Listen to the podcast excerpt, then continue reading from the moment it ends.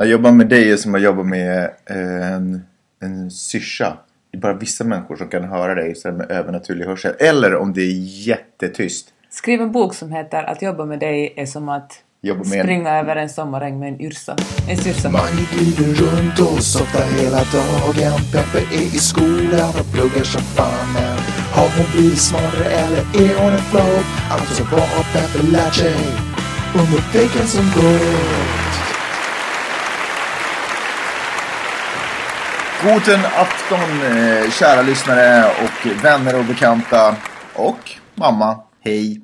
Eh, välkomna till podcasten som heter Vad har Peppe lärt sig under veckan som gått? Ve, eh, varför? Allt, har du tänkt på de här, eh, de här små samtalen som vi har innan signaturmelodin kommer igång? Eh, sim- signaturmelodin kommer igång.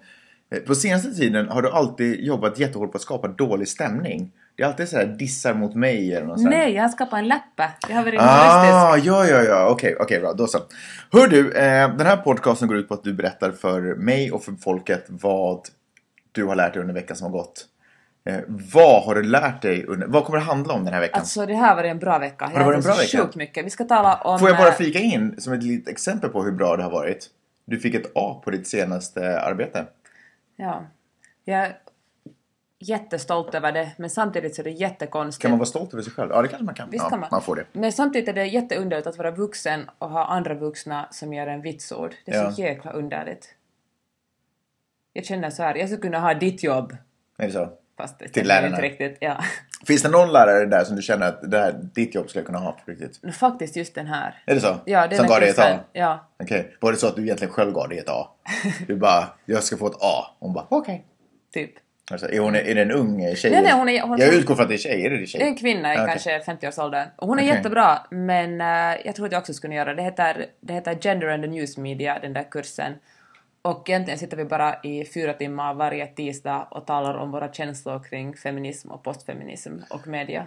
Eh, är det därför som du inte, har, du inte har tagit upp så hemskt mycket från den kursen i den här podcasten? För du inte har lärt dig så mycket? Känner du? Ja, är det så? så är det. Det är faktiskt så. Okej, just det, just det, just det. För du läser ju trots allt andra saker än prostitution och PR. Jag läser också journalistik och Gender and the News Media. Okej, spännande. Okej, men Okej, idag. okej, nu kör vi igång.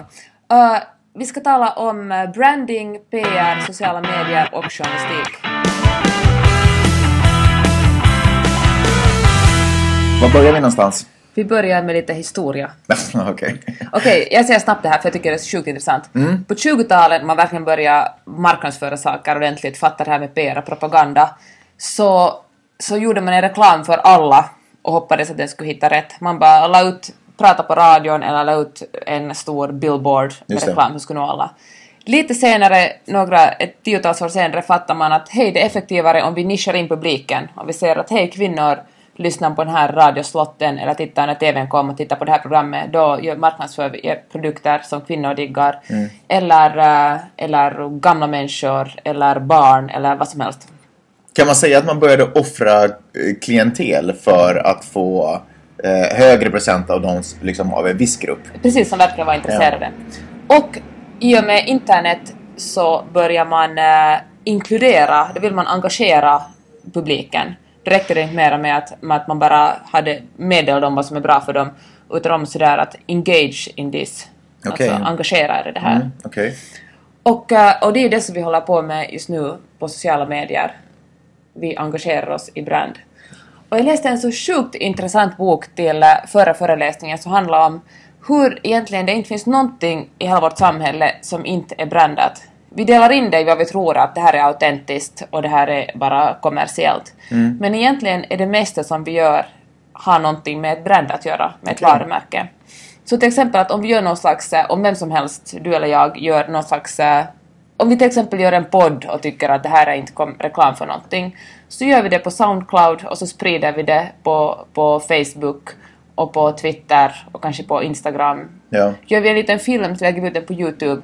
Så Och du fast- menar att då samtidigt gör vi reklam för liksom Soundcloud och Facebook och... och Youtube. och Twitter. Plus att det dessutom fin- eftersom vi inte betalar för någonting så finns det också reklamer där på, Mm. de här, på de här eh, medierna som vi pressar ut det på. Ja. ja inte på Soundcloud väl? Nej men hur får de sin... Jag vet inte. Kanske snart. Det finns säkert Ja, snart. vi, sig, Ja. är- vi, de får pengar av oss för att vi är premiummedlemmar för att vi ska kunna ha så många podcaster som möjligt på det. Okej. Eh, och, eh, och så såg jag en eh, så sjukt intressant dokumentär som handlar om hur folk som är födda millennials, alltså generation Y, Ja, inte ens vet vad sellout betyder. okej. För dem är det helt naturligt och antagligen säkert delvis vår, för vår generation också att man identifierar sig, man skapar sin identitet på basen av vad man gillar. Du vet, Vänta, vilka är... När är man millennial? När, man är född typ 83 vidare. Just det, 83 intressant. till 2002 och till och med ännu yngre, folk som är födda på 90-talet visste ännu mindre vad en sellout var. Okej. Utan de tyckte att det... Du sk- Skulle du bara säga vad en sellout är? Va, va, hur skulle du definiera sellout? Jag skulle säga att en sellout är någon som eh, överger eh, eh, sin inre vision för att tjäna pengar. Och det är så intressant för vi, när, vi delar upp, när vi delar upp folk så tycker vi att vissa, vissa artister till exempel är mer genuina, mer äkta än andra artister. Och då hade vi som exempel på den här föreläsaren Banksy, vet du vem det är? Ja. En sån här street art Absolut. artist som, som ingen vet hur han ser ut. Det finns en, en bra dokumentär som heter Exit to the Gift Shop. Jag tror hans mamma vet hur han ser ut. Vad säger du, hans Jag, mamma? jag tror att hans mamma vet hur han ser ut. Okej. Och eh, han åker runt världen och, och gör, protesterar mot eh, kapitalism. Mm. Men han är också ett varumärke. Eftersom Ja, eget- är ett varumärke. Ja. Och han, för att kunna sprida sig på, på... Att för att helt enkelt kunna existera så alla vet att Banksy är det för han är ett varumärke. Ja. Det finns också, men, förstår, du, förstår du skillnaden? Det finns liksom sånt som man uppfattar som kommersiella varumärken och så finns sådana som man tycker att det är äkta. Men egentligen är vi alla varumärken, vi är alla brands. Ja. Det är ju ett sätt, det är ju ett sätt att se på det men, men det har inte samma betydelse som, alltså han är inte samma sorts varumärke som Nokia är eller du vet, Men, men tycker du att en artist... eller Coca-Cola. Om, Skulle han vara en sellout om han skulle samarbeta med Coca-Cola eller, eller Nokia? Alltså då, då tycker jag att man faller in under definitionen som sellout. Men det finns... Om det inte ingår i någon form av... Alltså...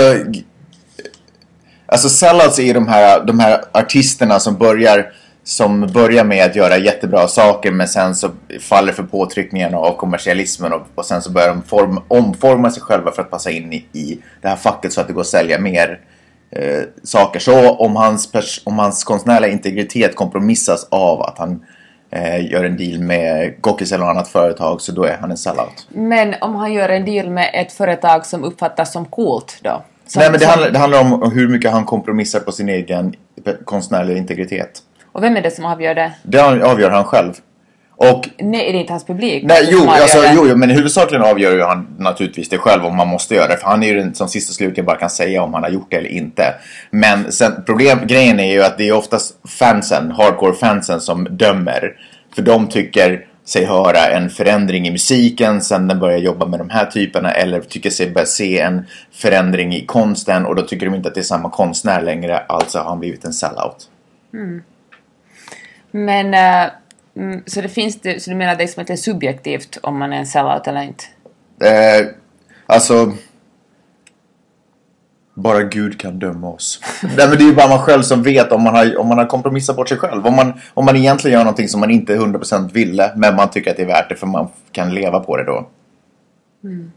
Så någonstans så är det ju man själv som bara vet det. Men det är klart att sellout är ju en stämpel man får av andra. Man ger ju sig själv sällan stämpeln sellout. För de val man gör. Nå, jag tycker det är fall intressant att hela vår kultur handlar om eh, brands och att den här nya generationen, och som sagt och det att vi också verkligen identifierar oss genom, vare sig vi är sellouts eller inte, men med, med vad vi tycker om. Folk vet att eh, om vi kör en, vi har ju en jätteskruttig bil, men vad, på basen av folk, vad för märkeskläder? Inte det så skruttig, du är skruttig. Nähä, ja. På basen av vilka kläder vi använder, vilken musik vi lyssnar på, Ja. vilken, eh, vilken sorts eh, mat vi äter och vilken sorts hamburgarkedja vi föredrar är vi en, definierar vi oss själva som en viss sorts person. Ja. Och det kan vi göra jätteenkelt genom sociala medier för där ser alla vilken sorts Absolut. typ vi är. Och jag tycker bara det var intressant att eh, det är helt... När, kanske vår generation nu reflekterar över det men yngre generationer tycker att det är en helt självklarhet att vi lever hela våra liv genom, genom egentligen brands, genom liksom varumärken och företag.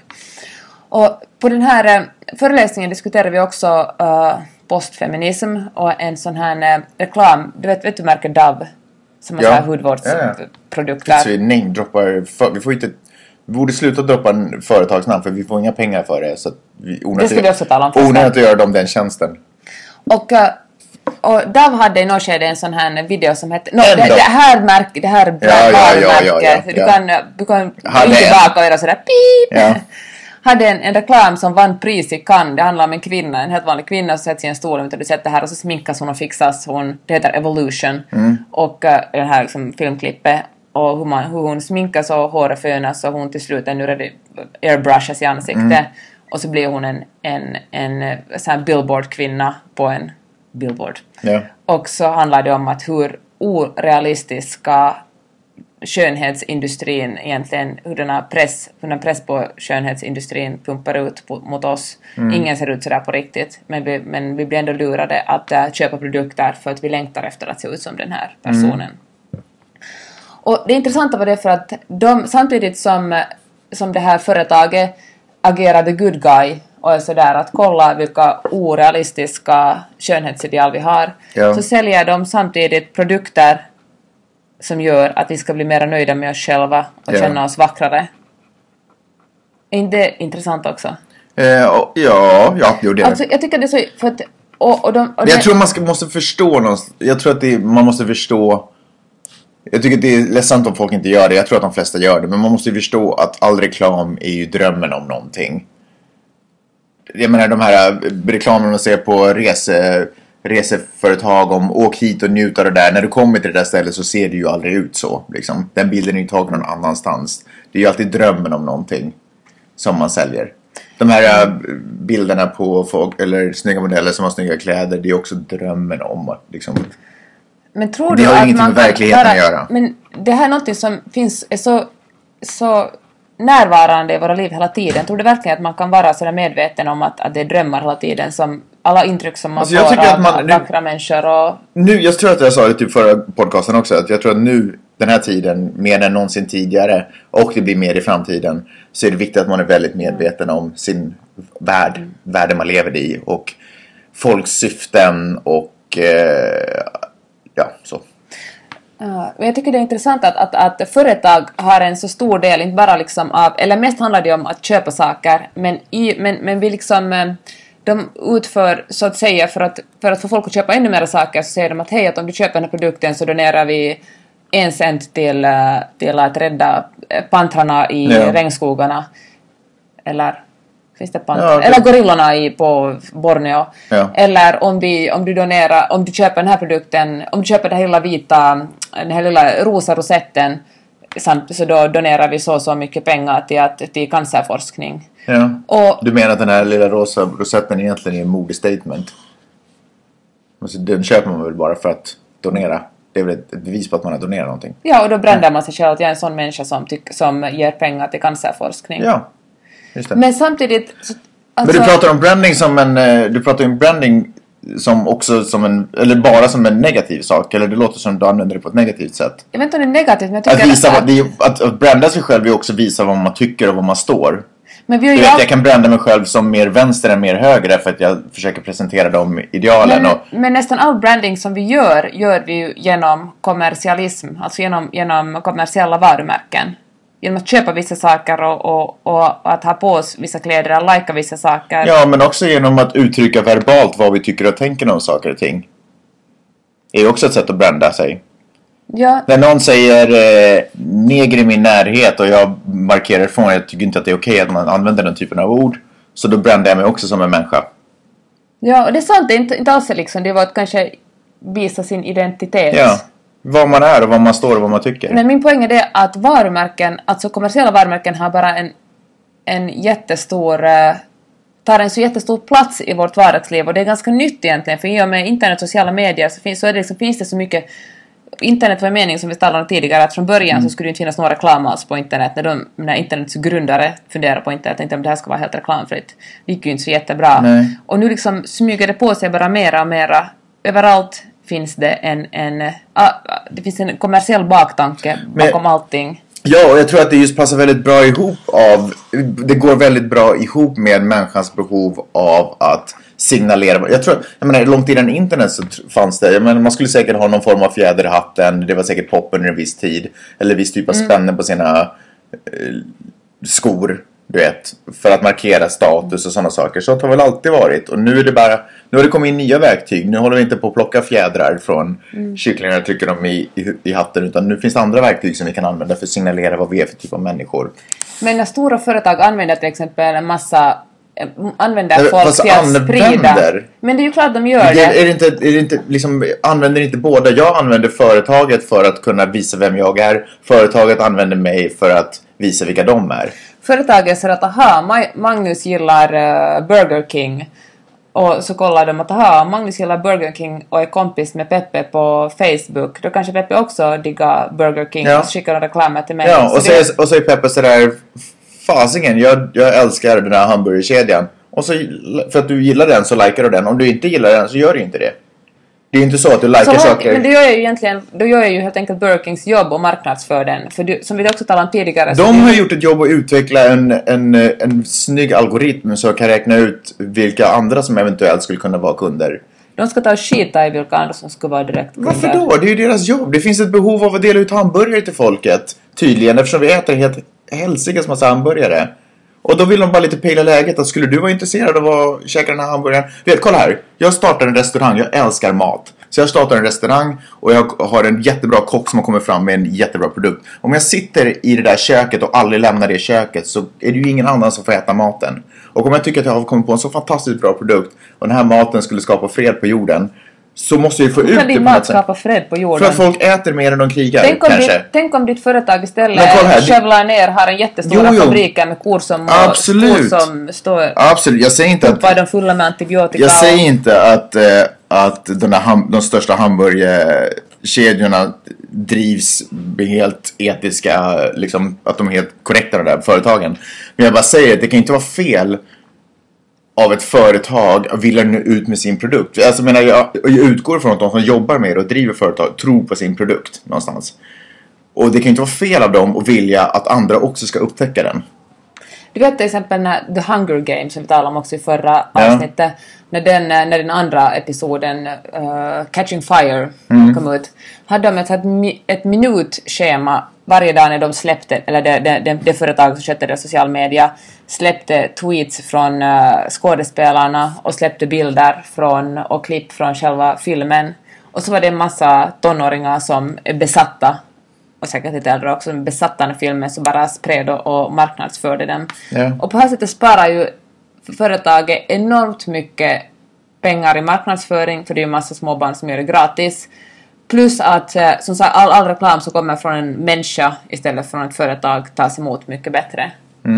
Och tycker du det här är... Och de här barnen Mm. Nej, men hur tycker du att det ska vara? sig- Jo, jag tycker att åtminstone ska vara medvetna om att Vem?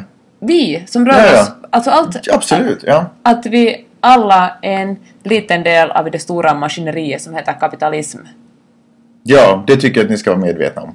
Du också Magnus. Jag är, också, jag är fullt medveten om det, absolut. Okej. Uh, nu ska vi ta lite journalistik också, för det här anknyter. Okej. Uh, när många av de uh, föreläsare, gästföreläsare som har gästat mina föreläsningar snackar om problematiken med att... För, för, därför som du sa, Ja. förlåt, får jag bara avsluta en sista tanke? Jag tycker att det också, det, det kommer fortfarande ner till att om du inte vet vad du vill ha så kommer någon annan bestämma åt dig.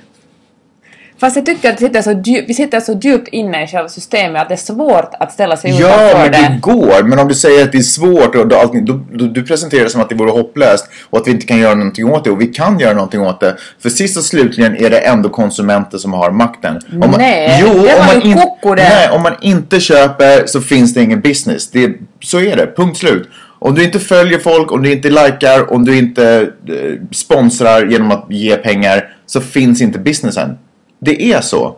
Och det är otroligt cyniskt och det är ganska ledsamt att att inte ge individen makt. Att ta ifrån individen makt med att säga att företagen har. Vet du vad? Man har. Konsumenten har. Konsumenten har makt ifall konsumenten skriver arga inlägg och skapar ett uppror. Det där lilla, att du inte köper någonting har mycket mindre makt än vad du egentligen tror.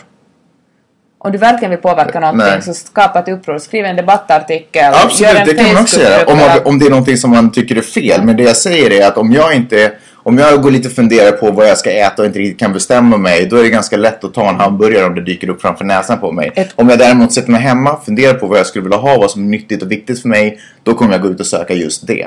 Och då kommer inte hamburgaren säljas till mig. Ett annat problem är det Hör du- att... alltså, ja, förstår jag, du jag vad jag sa? fattar, fattar Ja. men jag håller fortfarande inte riktigt med dig om det. Du menar att om jag på riktigt har kommit fram till nej vet du idag ska jag käka nyttigt, nu blir det den här grejen, det här är viktigt för mig, att jag ändå kommer att falla för en hamburgare bara för att det presenteras på en billboard? Ja, Nej. du kanske blir sugen på hamburgare en dag du ser det, för det Ja, är det, så hand, lättillgängligt ja, men det handlar om att jag bestämmer mig. Det handlar om att jag bestämmer mig och håller mig till min plan. Ett annat problem För att om jag är tillåter att mig att ändras då har jag uppenbarligen, då är jag inte trygg i det jag tror på. Narcissismen på internet och Mm. social media, allt handlar... Det finns inget vi, det finns bara jag. Alla bara definierar sig själva. Ja. Det Okej. är ju inte så hemskt sociala medier längre utan det är ju Nej. mer ganska trycka ut mitt Marknadsföringsverktyg. budskap bara. Exakt. Ja. Okej, nu vet jag att du tycker att det går för långt så jag ska ta en snabb grej. Okej, Det är lugnt. hur... eh, hur eh, det, folk säger att alla är journalister, ja men social media är alla journalister. Och jag tycker det är jättefarligt att tycka det här eftersom eh, folk kan vara mediepersonligheter eller Alltså, kulturpersonligheter. vem, vem säger att alla som uttrycker sig på sociala medier är journalister? Det finns ett sånt här, på journalistskolan talar vi mycket om det, att det finns en sån här uppfattning om att, att uh, journalistikens kris beror på att alla är journalister, alla kan rapportera, alla kan liksom... Är det för att alla berättar om vad de tycker och tänker om saker Ja, och ting? och vad så? de säger kanske, vet du, någon är på ett, en olycka, skickar en bild in och då är det plötsligt en journalist. Ja. Men eh, ett problem med det är att eh, en journalist måste vara kritisk. Och då tänker jag så här på att, att eh, Kanske då, får jag bara understryka, inte negativ utan kritisk. ställa kritiska Ja, frågor. ja. Och jag tänker mycket på det här att, att jag tror att det kanske är svårt för journalister i, eh, att det, något speciellt Svenskfinland eftersom Svenskfinland består av 15 personer och alla känner varandra och folk är så himla rädda för att eh, hamna i dåliga dagar eller, liksom, eller förstöra någon slags relation.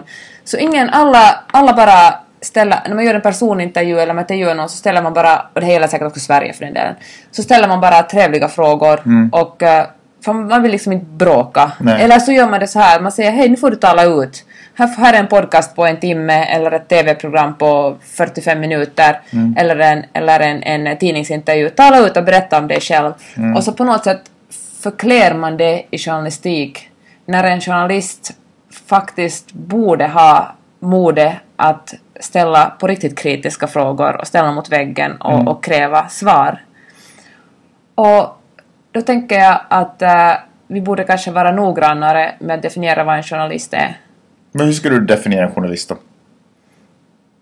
En journalist måste vara opartisk och måste, måste kunna våga ställa kritiska frågor, sätta saker och ting i, i, i sitt sammanhang och förklara kontexten kring det och veta så mycket att den har en kapaci- kapaciteten att förklara sammanhanget.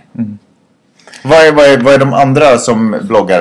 Är de, de är bara tyckare liksom, eller? Och man får vara tyckare, Ja. men det finns liksom ingen, ingen, ingen värdering i det. Man får vara tyckare och man får ha en podcast och vara en, en, eh, en tyckare. Mm. Men det betyder inte att man gör journalistik bara för att man råkar intervjua någon eller ha en gäst i sin podcast. Varför är det viktigt den här skillnaden?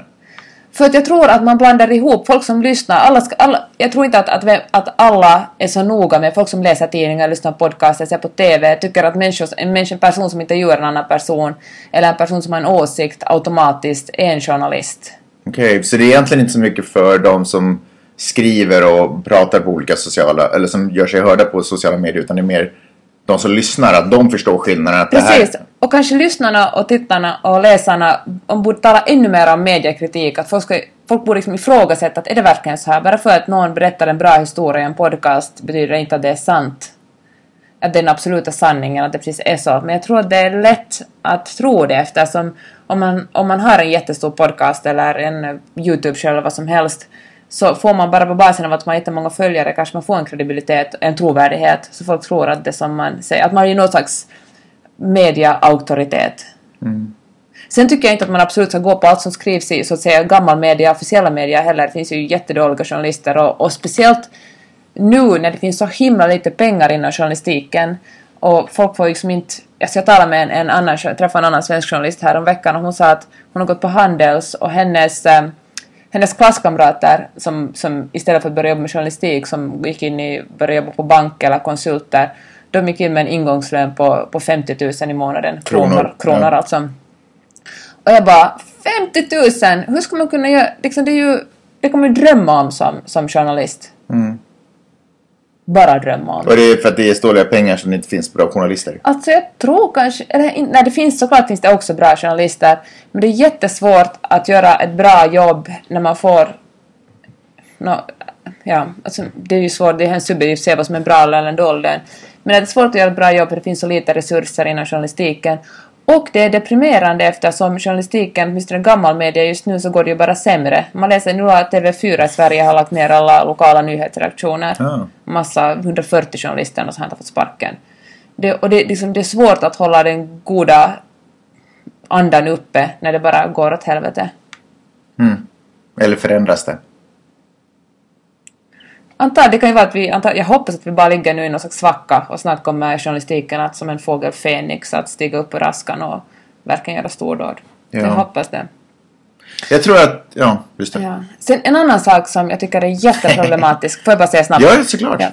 Att äh, jag tycker det är så svårt, jag har talat om det, om det här med bloggar som gör reklam och, och, och podcaster som gör reklam. Och nu är det lätt för mig att säga för att vi har ingen sponsor på vår podcast, det skulle vara kul om någon skulle betala oss för att göra det här. Men jag tycker, det, jag tycker att det är okej om, det är en, om man faktiskt gör tydligt att hej, det här är vår sponsor. Men om man är sådär att, eh, eller på en blogg, hej, jag har blivit sponsorerad av det här företaget eller gör samarbete med det här, för, det här företaget. Men jag tycker det är så himla problematiskt att när man eh, någonstans på vägen blandar in åsikter med eh, produkter. Mm. Om man är sådär att åh, idag är vi sponsrade av eh, Primo Passo Café, kaffe och sen eh, gör man liksom ingen... Och sen kan, såklart vill man bli sponsrad av en, av en produkt som man tycker om och då ska man säga att jag tycker genu- genuint om det här. Men om man på något sätt gör det hemskt luddigt vad som man får betalt för att säga Ja. och vad som är, vad som är ens uh, genuina åsikt. Och det är väl en av de första signalerna på att eh, det inte drivs av journalister. Det är Ja. som, och det är en podcast till exempel. Sådär, när man börjar blanda. För jag tror att journalister som respekterar de etiska journalistiska Ja. reglerna skulle aldrig göra det luddigt vad som är Nej. reklam eller inte reklam. Men, och jag måste poängtera att jag tycker absolut att det är ett massa jobb att skriva. Det är ett jobb att skriva blogg och det vara ett jobb, och det är ett jobb att göra en podcast. Jag tycker absolut att det är bra att det finns sponsorer och att folk får, ja. Att folk får betalt för att göra sitt jobb. Men jag tycker att man ska vara jättenoga med att, med att skilja på åsikt och betald åsikt. Ja. Det är väl därför eh, det vore hemskt skriva om man åtminstone kan hålla kvar public service. Ja. För då, det, det, jag menar, det fin- där, där är åtminstone inte Jag säger inte att alla nö- nödvändigtvis är jättebra eller att, men det finns väldigt mycket bra där också. Men åtminstone oavsett så är det aldrig köpt. Min dröm är att public service ska ha så jättemycket pengar att de verkligen kan anställa de allra, allra, allra bästa, smartaste journalisterna och göra så jäkla bra journalistik. Ja. Jag vill också att public service ska finnas för evigt. Och jag vill att folk ska förstå varför det är viktigt att public service finns. Också de som jobbar där. Vad det är som egentligen... Varför det är så otroligt viktigt att eh, man jobbar på public service. Varför är det då? Därför att det är, på något sätt så känns det för mig, speciellt nu idag när det som, som du har pratat om, sociala medier och kommersialismens makt och hur de kan sniklas, snirklas in var som helst och kan övertyga bloggar att hej, snacka lite om det här också. Du vet, alla. Så då är det otroligt viktigt att ha den här lilla ön av säkerhet där jag vet att ingen som jobbar här är Ja. köpt. Det här som kommer nu är för att personen som jobbar där är intresserad av det här och vill veta hur det funkar eller du vet, vill reda ut den här grejen. Och behöver inga vänner liksom på så sätt. men för den har ett jobb liksom. Därför Ja. är det otroligt viktigt. Det är den, på något sätt den sista, sista gränsen mot eh, förfallet. Mot kapitalism, den onda kapitalismen. Jag ser det som, om ni har sett World War Z, så ser jag som att det är den där muren som ligger runt, som de facto ligger runt Israel, men som framförallt i filmen ligger runt Israel. Och det är det sista anhalten, att om den bräcks, då är det, då är det kört. Liksom. Förutom om Brad Pitt kommer att styra upp. men sen behöver vi en person som kan styra upp alltihop och sannolikheten att någon ska våga kliva fram och göra det, det händer bara i filmer. Så, det var vad jag Ja. tycker. Var det det? Det var det. Peppe, intressant. Tack! Jag var gång. hemskt inspirerad av veckans föreläsningar. Synd att den här skolan snart är slut. Ja. Synd, men då får jag tillbaka det, det ska bli roligt. Okej. Eh, tack för att ni har lyssnat. Diggar ni det ni hörde, säg till en kompis att lyssna på det här för det var bra stuff. Och eh, om inte så... håll det för er själva och bara lyssna nästa vecka igen på en ny podcast. Vi ses då. Ha det bra, hej!